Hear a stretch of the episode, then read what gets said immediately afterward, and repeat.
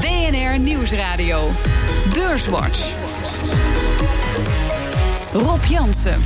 Welkom bij Beurswatch, het enige beleggingsprogramma op de Nederlandse radio... met Martine Hafkamp van Vintessa Vermogensbeheer... en Lucas Daalder van uh, BlackRock. Welkom. Um, ja, er is geen Brexit-deal. En daarnaast is er ook nog uh, vertoont de groei in de eurozone wat scheurtjes. En toch wint de AEX per saldo een beetje. Verwachten jullie dat de lente ook op het Damrak verder zal doorbreken? Martine? Oh ja, ik ben nog steeds positief. Ja? Uh, kijk, je ziet natuurlijk dat er redelijk voorgesorteerd was op wat lagere cijfers. Maar je ziet ook wel weer dat een aantal vroege indicatoren toch ook wel weer een beetje aan het aantrekken is. Dus ja, ik zou ook niet weten waar je als belegger anders naartoe moet, hè? Zie jij dat, Lucas? Ja, nou, we zijn gematigd optimistisch. Ik vind uh, de, de daling die we aan het einde van vorig jaar hadden, die was vrij hard. De, het herstel is even hard omhoog. Uh, maar als ik kijk naar de onderliggende groei en de onderliggende winstgevendheid, uh, is de situatie echt wel duidelijk slechter dan het was aan het einde van zeg, het derde kwartaal vorig jaar. Dus per saldo ben je een stuk lager in groei gaan zitten, een stuk lager qua winst. En toch sta je qua beurs nou, nog niet helemaal op dezelfde oude top, maar wel in de buurt van die oude top. Dus we zijn wat voorzichtiger aan het worden. Het was de week waarin taxidienst Lyft naar de beurs ging. Topman Logan Green legt uit waarom je dat aandeel moet hebben. Not only we're investing in ride sharing, we're investing in bikes and scooters, we're investing in autonomous vehicles. But if you dig into the numbers, every year the economics are getting better. En superbelegger Warren Buffett neemt het op voor Apple. Dat komt met een eigen creditcard. Currency in circulation is now 1.7 trillion, which is up from about 9. The currency in circulation goes up 6% a year. Now, I, payments is a huge, huge game, and different countries will respond in different ways. But I like our 18% position in Amex, and I like our 5.5% position in Apple.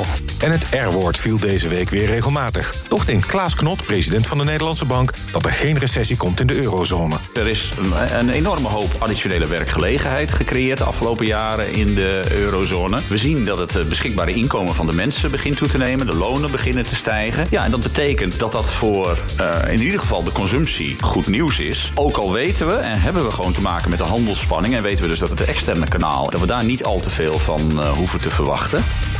Ja, we hoorden Klaas Knot, gaan we het zo over hebben. Maar ik wil toch even bij het nieuws van vandaag nog even blijven. De Brexit.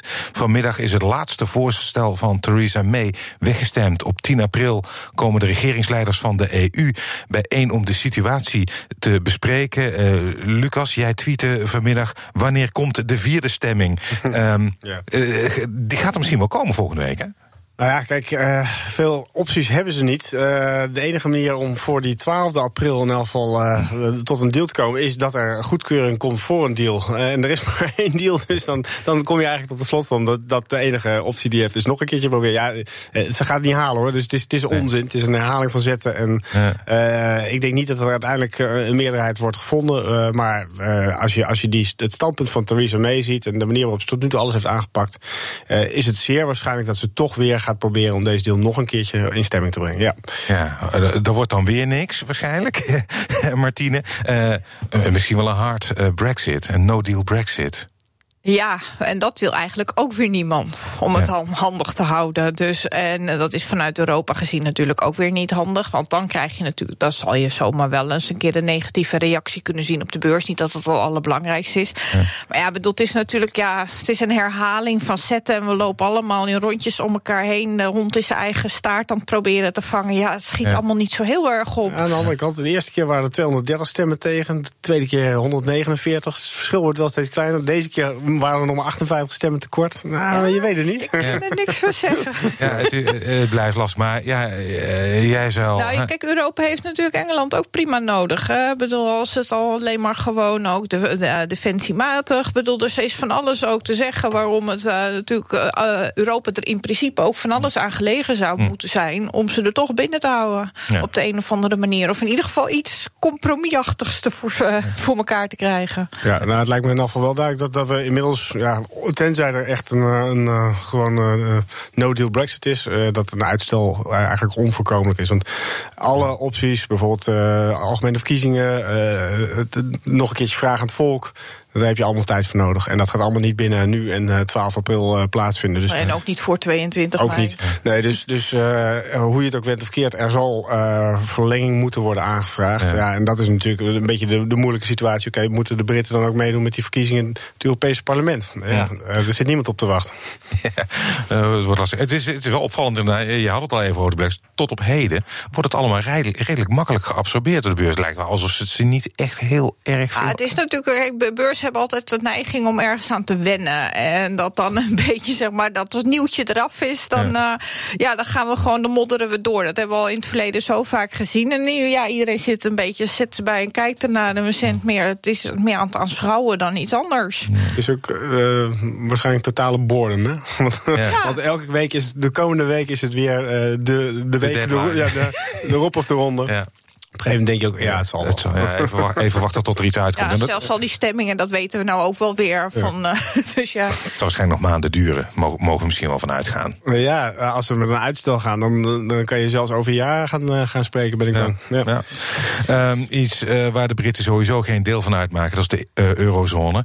Um, we hoorden daar Klaas Knot al over. He, komt er een recessie of niet? het gaat niet goed met de industrie in Frankrijk en Duitsland. En dat zijn toch de grootste economieën in de eurozone. Maar Knot verwacht geen uh, recessie. Martine, ben jij het met hem eens? Nou ja, zoals ik aan het begin zei, ben ik dat wel met hem eens. Ik zie meer een dipje. Maar Knot is natuurlijk ook heel goed bezig met uh, verwachtingsmanagement. Uh, kijk, we zitten allemaal, als je maar met z'n allen roept dat er een recessie komt, dan gaat het vanzelf. Want dan gaat iedereen op de rem staan. Nou ja, als je niks uitgeeft, dan is het een soort self-fulfilling prophecy. Hè? Dus um, in die zin zie je Knot ook al wel een beetje een draai gemaakt hebben. Hmm. Dus ja, bedoel, ik, ik, ik zie wel, maar wat ik je ook al zei, ik zie gewoon wel indicatoren, vroege indicatoren, die toch wel op een herstel duiden. Kijk, en het is ook de Um, de volledig andere situatie ten opzichte van begin vorig jaar. Toen was iedereen optimistisch en de bomen groeiden tot in de hemel. En nu is ook iedereen super negatief. Was ook zeer terughoudend in de verwachtingen voor de rest van het jaar. Dus ja, en, en de verwachtingen zijn iedere keer heel laag gespannen. En natuurlijk de vergelijkingsbasis is minder positief uh, of minder gunstig. Omdat natuurlijk vorig jaar al die belastingmaatregelen in heel veel cijfers uh, naar voren kwamen. Ja, bedoel, en natuurlijk, dus uh, zullen nu af en toe, en nu hebben we handelsperikelen, noem het allemaal maar op. Dus zijn wel een paar remmetjes. Maar als je gewoon weer verder ziet, er zijn heel veel trends gaande waar gewoon in geïnvesteerd blijft worden. Weet jij dat ook, Lucas? nou, ik ben het op zich wel eens dat als je nu naar de situatie kijkt, dat er geen echte reden is om een recessie te verwachten. Op zich, uh, de banengroei die hij noemt, uh, daar ben ik het helemaal mee eens. Dat creëert koopkracht, dus wat dat betreft, consumptie zal wel op peil blijven. Waar wij ons wel zorgen over maken is, uh, en dat is een onderwerp waar we zo meteen waarschijnlijk ook nog wel over gaan praten, de, de, de handelsdeal tussen China en de VS. Onze verwachting is alom dat op het moment dat dat rond is, en dat lijkt toch wel steeds dichterbij te komen, dat, dat het dan niet lang zal duren voordat Trump zijn pijlers op Europa gaat richten. En ja. ja. kijk, hoe je het ook went of keert, wij zijn een, vrij open economie, ook als eurozone als geheel. Uh, hm. Veel export, veel import. Best wel afhankelijk van wat er in de rest van de wereld gebeurt. Dus op het moment dat er echt een harde, nou een beetje zoals China, handelsoorlog ontstaat, dat gaat ons ook nog wel pijn doen. Hm. Um, ben je daar ook bang voor dat Trump nog verder gaat slaan? Oh ja, maar dat heeft hij ook al min of meer aangekondigd. Hè, dat Europese autobouwers dat dat de eerste sector is uh, waar, die, uh, waar die toch wel iets aan gaat doen. Ja. Bedoel, of wil gaan doen. Ja, tuurlijk, bedoel, dat hangt ook weer als een soort donkere wolk uh, boven de beurs. Maar ja, dat zie je eigenlijk ook al wel een poosje terug natuurlijk in de koersen van autobouwers. Dus ja. Ja, nou, daar had ik. Ja, ik had het idee dat als je bijvoorbeeld kijkt naar die, uh, die, die Duitse autobouwers, dat het vooral ook met, uh, met China. Ja, ook. Maar ja. dit hangt er ook nog eens extra ja. bovenop. Ik bedoel, China die gaat natuurlijk eigenlijk, ja, die gaat gewoon lekker zelf van elektrische auto's uh, sleutelen. Dus dat wordt sowieso wat lastiger. En als, dit, als Trump eenmaal zijn aandacht op Europa gaat richten, mm-hmm. wat verwacht je dan, wat dan gebeurt? Wij zijn natuurlijk wel enigszins de onderliggende partij. Ja, nou kijk, uh, het hangt uiteraard weer een beetje vanaf hoe het gespeeld wordt. Tot nu toe zie je dat Trump altijd gewoon uh, uh, ja, niet, niet subtiel te werk gaat. Het is niet dat hij zegt van, zullen, we, zullen we eens even gezellig aan tafel. Ja. Dus als, als hij ook Europa trakteert op wat tarieven, ja, dat doet bij ons wel vrij snel pijn. Ja. dus dan heb je inderdaad te maken met een situatie waarvan ik denk, dat is dan net het tikje waar zo'n conjunctuur niet op zit te wachten. Nee. Dus nogmaals, de onderliggende conjunctuur, daar maak ik me eigenlijk niet zoveel zorgen over. Maar dit is wel eentje die eh, ja, dit moet niet heel erg snel gaan escaleren, want dan kan het echt wel vervelend worden. Maar um, stel, hij wil uh, die, die, die handelsbarrières opheffen. Stel nou, uh, wij zeggen, wij halen, uh, wij halen het naar beneden. En dan, kan hij, uh, dan kunnen we gelijk overspelen. Misschien kun je het ook heel snel oplossen. Of ben ik te naïef daarin? Dus, ja, nou, snel oplossen. Je ziet hoe snel het gaat met China. Die zijn inmiddels ook al bijna een jaar bezig, zou ik zeggen. dus dat zijn onderhandelingen die over het algemeen vrij lang duren. Dan kan je zeggen, China is anders dan Europa. Daar speelt het intellectueel eigendom ook nog Klopt, en daar speelt van alles mee. Ja. Dus, de, dus de cybersecurity, dat soort issues spelen ook allemaal op de achtergrond. Ja. dat neemt niet weg dat ik denk dat Europa... kijk, China die is wat meer, denk ik, een schaakspeler. Die denkt van, oh ja, jij slaat mijn koning, dan, oh, dan uh, mijn koningin, dan, dan uh, pak ik een, een loper of een paar terug. Ik denk dat Europa veel meer de verontwaardigingskaart gaat spelen. Van, oh, dat mag niet, de regels en zo.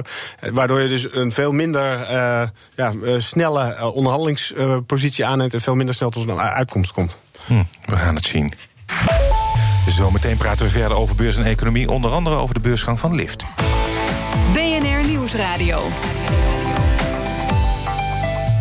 BNR Beurswatch. We bespreken de belangrijkste beursontwikkelingen van deze week. Dat doe ik met Martine Hafkamp van Vintessa Vermogensbeheer en Lucas Daalder van BlackRock. Eerst maken we even de balans op van afgelopen week. De AEX die sloot op bijna 549 punten. Dat is 0,9% hoger dan vorige week. Stijgers. De drie grootste stijgers op weekbasis. Op nummer 1 Galapagos met een plus van 17% Op 2 Adyen met een plus van 6,1% En op 3 Wolters Kluwer kreeg er 4% bij. En het midcap aandeel dat het best presteerde deze week was Altis Europe met een plus van 17,9 procent. Dalers. Op 1 Unibuy Rodamco Westfield, min 3,9 procent. Op 2 Randstad verloor deze week 2,8 procent. En op 3 ArcelorMittal met een min van 1,7 procent. En in de midcap was Boskalis deze week de grootste daler met een min van 3 procent. En de AEX is deze week drie van de vijf handelsdagen lager gesloten. Maar goed, dus toch een plus voor de AEX. Um, ja, de knaller deze week is uh, Galapagos. Op het nieuws dat een nieuw reuma-medicijn van het bedrijf goedgekeurd kan worden. Zou volgend jaar al op de Europese markt kunnen komen. Uh, Martine, is dit uh, succes voor jou reden om uh, in te stappen? Of nou, ben je eigenlijk al te laat? een beetje heel erg laat, denk ik. Laat. Er zit nog ja. wel meer in het vat, maar ik denk dat al het goede nieuws er nu dus, wel weer eventjes in zit. Ja. Uh, kijk, ze moeten nog één klein. Ze moeten nu dan die toestemming krijgen van lokale autoriteiten. Maar ja, dat is als je zover bent. En het is natuurlijk echt een blockbuster, puur zang, met een heel groot omzetpotentieel. Ja. Dus ja, het is hartstikke mooi. Bedoel, ze worden ervoor beloond. En nou ja, dat is natuurlijk heel, heel mooi. Ja. Maar ja, bedoel, het komt twee kanten op. Hè. Als, het, uit, zeg maar, als het niet die fase 3 door waren gekomen, dan was het, had het nu heel veel lager gestaan. Ja. ja, en nu heb je de andere kant van het verhaal. Ja. Ja, wat je zegt, het is, het is wel inderdaad. Ik, heb, ik lees in de, in de stukken dat die ontstekingsremmers die ze dan maken, die markt schijnt enorm ja. groot te zijn. Dus ze zullen misschien wel. Ja, en dat er dus minder bijwerkingen waren. Ja. Dus dat ze gelijk de concurrentie echt met het grootste medicijn wat tot nu toe op de markt is van AbbVie, dat ze dat uh, gewoon eigenlijk uh, met glans kunnen doorstaan. Ja. Dus ja, dat is wat natuurlijk de muziek in, het, uh, in de koers nu voor elkaar krijgt. Ja. eigenlijk geen Nederlands bedrijf, maar wel in de midcap. Altis heb je daar nog naar gekeken, Martine? Ik uh, zit er altijd met stijgende verbazing te aanschouwen. bedoel, en uh, ik las ook, en ik denk dat dat ook wel erg is. Ze zijn erg positief over de vooruitzichten. Ze investeren wel heel veel meer in, in marketing om ja. dan meer klanten, vooral in Frankrijk, te krijgen. Vorig jaar hadden ze toch best een omzetdaling. Ja, ik vind het een hele enthousiaste reactie op, op beloftes. Ja. En een lagere winst inderdaad. Ja. Dus, uh... ik zag nog wel een paar minpuntjes. Ik ben altijd wel redelijk positief gestemd. Maar ja. in dit geval ben ik toch ook een keertje van dat het glas nog niet helemaal per se half vol hoeft te zijn. Nou, uh, waar het glas uh, half vol is, is op dit moment in Amerika met het aandeel Lyft. Taxidienst maakt vandaag zijn debuut op Wall Street. Het zou bij de beursgang 23 miljard dollar waard zijn. Nou, het schoot omhoog, was op een gegeven moment 29 miljard dollar. Staat nu ietsje lager, maar nog altijd een flinke uh, winst. Lyft is de grote concurrent van Uber. Alleen Lyft zit dan vooral op de Amerikaanse markt, Uber internationaal. Um, Lucas, uh, de platformeconomie, bedrijf dat geen uh, winst maakt, maar we hoorden net de topman zeggen: ja, het wordt wel elk jaar beter. Ja. Um, is dit iets waar jij enthousiast van wordt, van dit soort bedrijven? Nou, wat, wat, me verbaast eigenlijk, want je ziet tegenwoordig, vroeger was het eigenlijk gewoonte om als je een bedrijf was, dat je vrij snel naar de beurs ging. Dat was de manier om je, je groei te financieren. Nou, tegenwoordig gebeurt dat dus niet meer. Tegenwoordig heb je heel veel van die unicorns, van die bedrijven die eigenlijk al heel groot zijn en nog steeds niet beursgenoteerd zijn. Dus die hebben via allerlei andere bronnen financiering gekregen. Maar wat mij eigenlijk verbaast, ik zou verwachten, er is niks mis mee, hè, dus dat, uh, zou best kunnen. Als je gewoon je geld ergens anders kan uh, halen, waarom zou je dat niet doen? Hm. Ik had dan alleen wel verwacht, als je dan naar de beurs gaat, dat je dan ook inderdaad al wat meer volwassen bent. En dus niet meer met zo'n uh, gigantisch verlies per aandeel hm. naar zo'n beurs gaat. Dat verbaast me eigenlijk wel. Dus zo'n bedrijf bestaat al, nou ik weet niet, ik zou het echt niet weten, tien jaar misschien. Ja, zoiets. Ja. En is in die tien jaar natuurlijk gigantisch gegroeid. Maar we zitten nog lang niet bij het omslagpunt dat, dat, dat je naar die winst gaat. En, en dat verbaast me wel een beetje. Als je op 2 miljard omzet bij een miljard verlies draait, vind ik uh, ook een prestatie. nou, dat bedoel ik. Ja, nee, maar dat klopt ook. Ja, dat vind ik ook. En dan ben ik ook wel weer, ja, er zit wel ook hier weer heel veel optimisme in die koers. En als je ook ziet wat er allemaal nog naar de beurs gaat komen. Ik bedoel, het zijn ook niet de minste van uh, bedrijven, inderdaad. Ja, het wordt heel enthousiast op ontvangen. Maar ja, het beursklimaat is er ook naar. Het lijkt wel zo'n laatste run weer uh, naar, nog even naar de uitgang. Ik kan me aan de andere kant ook wel weer een beetje voorstellen van beleggers. Want toen Facebook naar de beurs ging, zei ook iedereen: wat een idioot Bij Google zei Bij Google, ja, Google, dat kan nooit iets worden. Nou, nee. we, weten oh, ja, nee, dat is het verhaal ook niet. Maar het is meer van, ja, kijk, er wordt wel heel veel. Als je nu naar, naar waarderingen kijkt, die zijn natuurlijk ook wel mega hoog. En natuurlijk, uh, je gaat meer naar een deeleconomie toe. Dus het kan, maar een goed bedrijf hoeft ook nog steeds niet een goed aandeel te zijn. Hè. Als je nu kijkt naar wat voor waardering eraan hangt, dan moet er wel heel veel uitkomen voor dat ook echt gerechtvaardigd is. Dat, dat is één. En ten tweede, ik denk de voorbeelden die we noemen, dat zijn ook inderdaad echt de voorbeelden die we altijd noemen. Hm. Uh, ik zou begon niet weten wat Snap tegenwoordig doet, maar je hebt natuurlijk ook vast wel voorbeelden van bedrijven die uh, juist naar de beurs gaan en daar hoor je vervolgens niks meer van. Ja. Dus wij, we, nou, hebben toch een beetje. In Nederland nog zo'n kleintje, Avantium. Dat is ja. uh, twee jaar geleden naar de beurs gegaan. Maar die koer, daar zijn beleggers niet zo heel blij nee. mee. Nou, het heeft bijvoorbeeld inderdaad voor een bedrijf als Twitter, ook social media, heel lang geduurd voordat, daar, voordat daar winst werd gemaakt. Dat is waar. Zou je dan misschien beter kunnen wachten tot Uber naar de beurs gaat? Eigenlijk ook natuurlijk verliesleidend, maar wel veel groter. Ja, bedoel, ik denk dat je het gewoon per bedrijf moet bekijken. Het is niet zo omdat ik Lyft, uh, bedoel, dat is vooral voor Amerikaanse beleggers überhaupt was dat leuk. Uh, dat ik dan per se in Uber wil gaan. Maar dat ligt ook alweer aan de voorwaarden waarop het naar de beurs gaat. Ik bedoel, ik hoef niet met alles mee te doen hoor. Nee, maar uh, ik bedoel, ja, je hebt daar in feite ook hetzelfde verhaal, ja. dezelfde risico's. Hè, maakt ook nog. Ja, ze zijn alleen groter, maar ja, ja. bedoel, zijn ook, sommige zijn ook nog van die initiatieven zijn ook redelijk start-upperig. Dus mm. ja, bedoel, er wordt ook nog heel veel geld achteraan gebracht. Er zijn ook mensen die echt alleen maar met zo'n IPO meedoen omdat ze zo'n eerste dag effect hebben. Dus uh, vandaag zo'n koers van Lyft gaat hard omhoog. Ja. Nou, als je ingetekend hebt en je, je, verkoopt het vandaag al, je hebt nul risico eigenlijk. Ja, althans, het is altijd risico. Het had ook naar beneden kunnen gaan. Dus dat risico loop je altijd. Uh, maar er zijn best wel uh, partijen die dus, dus, echt specifiek dat spel spelen. En zich hm. dus niet heel erg bekommeren over wat nou de koers over een jaar staat. Maar meer gewoon dus denken, nou, de, de korte termijn winst, daar doe ik het voor. Ja. Um, dat ik ook nogal uh, interessant vond, een bedrijf waar jij, uh, Martine, uh, in het verleden in hebt belegd, namelijk Naspers. Eigenlijk een Zuid-Afrikaans bedrijf ooit krantenuitgever. Nationale pers. De nationale pers. en zij uh, hebben heel veel belegd in jaren geleden al in internetbedrijven. En hebben uh, gelukkig hand gehad, want ze hebben ook 31% van de aandelen Tencent met WeChat. Meer. Ja. Uh, ja. ze hadden nog meer.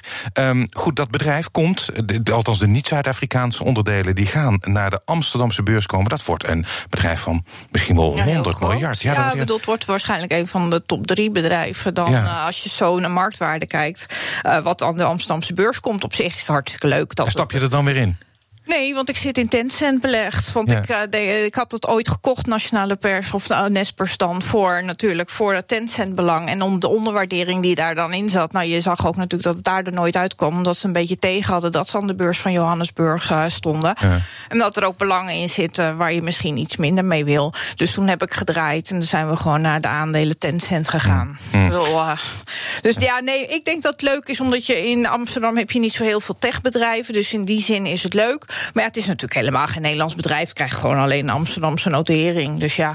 Ze hebben, ze hebben, ze, een van hun uh, drie hoofdkantoren staat Ja, uh, in, in nou, Hoofddorp. ja, dat zegt genoeg, hè. Dat het hoofdkantoor staat. En, en, nou ja, er werken wel een paar honderd mensen. Het, Ja. is, niet, het, is, niet, het is geen brievenbus en ze gaan verhuizen naar de Zuidas. Ja, ja, eh. nou kijk dat wel. Maar ze hebben natuurlijk belangen in, in Rusland, in India en noem het allemaal maar op. Ik bedoel, eh, dat, dat- daar is niet zoveel hoofddorps of uh, allemaal Nee, dat Zuidas begrijp ik. aan. Nee, goed, maar dat kan je ook van Unilever zeggen. Ja, maar dat is natuurlijk ook het verhaal altijd. En dat is natuurlijk ook waarom ik eigenlijk beleggen. Kijk, hoofdkantoren waar dat staat en beursnoteringen, dat maakt me ook nooit zoveel uit. Nee. Ik denk dat we een beetje af moeten van dat regio-denken. En dus ook van die Amsterdamse beurs, dat dan wat op komt te staan.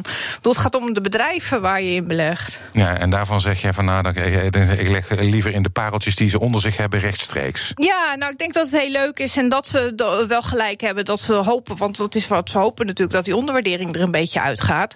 Nou ja, daar is natuurlijk wel wat meer kans op. Want Zuid-Afrika is nou niet een een wat heel veel buitenlandse beleggers trekt, zeg maar. Nee. Dat klopt. Ehm, we zijn alweer bijna aan het eind van de uitzending. En dat betekent dat jullie, de luisteraar, mogen verblijden met jullie tip. Lucas, the floor is yours. Wat is jouw tip voor de luisteraar? Nee, ik had eigenlijk een, eh, een tip, maar ik, eh, ik heb ook nog een lijstje met mensen die, eh, die ik de groeten zou moeten doen. Maar dat, zal ik maar even overslaan. Doe maar. Ja, en. Nou, nou, Anne-Louise, Nick, Butterby, Herman, Suus, Peter, André en mijn moeder. Die doen Ja. jullie graag de groeten. Mijn moeder is jarig vandaag, dus vandaag. Gefeliciteerd, Ja, dank je. Ja. Ehm, nee, mijn tip, ja, kijk, korte termijn denk ik eigenlijk dat eh, brede markten, ik blijf geïnteresseerd in emerging markets. En waarom is dat? Enerzijds omdat China echt wel aan de aan het stimuleren is. China is toch altijd wel een beetje de motor van eh de emerging markets. Tegelijkertijd, emerging markets die hadden de afgelopen twee jaar vooral tegenwind ook door eh, het beleid van de Federal Reserve. Eh, steeds hogere rente, hogere kapitaalmarkt. Nou, dat valt allemaal weg. Maar ja, Turkije deze week. ja, Turkije, dat is inderdaad een smetje. Maar ik zou gelijk zeggen van Turkije, als je, het, het, als je naar de MSCI World, nee, MSCI Emerging Markets kijkt, dus een mandje aandelen eh, van de Emerging Markets, heeft Turkije een gewicht van 0,7 Dus dat, Ja. is, dat kan niet eh, het, het grote verschil maken. Het kan wel een sentimentbreker zijn. Eh, dat heb je met name gezien als je kijkt naar de eh, obligaties, dus opkomende markten obligaties. Daar kan het wel een rol van betekenis spelen. Maar zelfs dan nog, het klimaat wat je nu hebt, is echt heel anders dan wat je in 2017, 2018 had. Oké. Lagere rentes, de vet die niet meer zo eh, de, de boel tegenhoudt. Dus ik zou zeggen, eh, emerging markets. Dus een tracker of een beleggingsfonds dat zich daarop op richt. Ik zal geen reclame maken. Oké. Martine, wat is jouw tip voor de luisteraar? Nou, ik haak er een beetje op aan in die zin. En ik had het net ook al over. Ik zie Tencent zie ik nog steeds heel veel in. Inderdaad, het, nou, het belang van Chinese bedrijven en de MSCI Emerging Markets, dat gaat omhoog. Je ziet dat spelletjes steeds meer weer worden toegestaan in China. Dus dan denk ik, nou, dan is Tencent. eh, bedoel, het heeft al wat aardig wat herstel laten zien. Maar er zit nog veel meer in het vat. En ik zit liever in zo'n bedrijf dan eh, rechtstreeks. En met, kijk, boven de hele hoge groei zal eruit zijn. Maar ze kunnen nog steeds boven gemiddeld blijven groeien. En zij hebben ook een vinger in de pap in heel veel internetbedrijven. En die zijn ook in het Westen actief in van alles en nog wat. Dus ik zie daar heel veel in. Oké, Tencent, Emerging Markets, hartelijk dank. Martine Hafkamp van Vintessa Vermogensbeheer en Lucas Daalder van BlackRock. Dit was BNR Beurswatch. Als u wilt reageren, dan kunt u een mail sturen naar beurswatch.bnr.nl of tweeten naar Rob. Terugluisteren kan via de site, de app, iTunes of Spotify. En graag tot volgende week.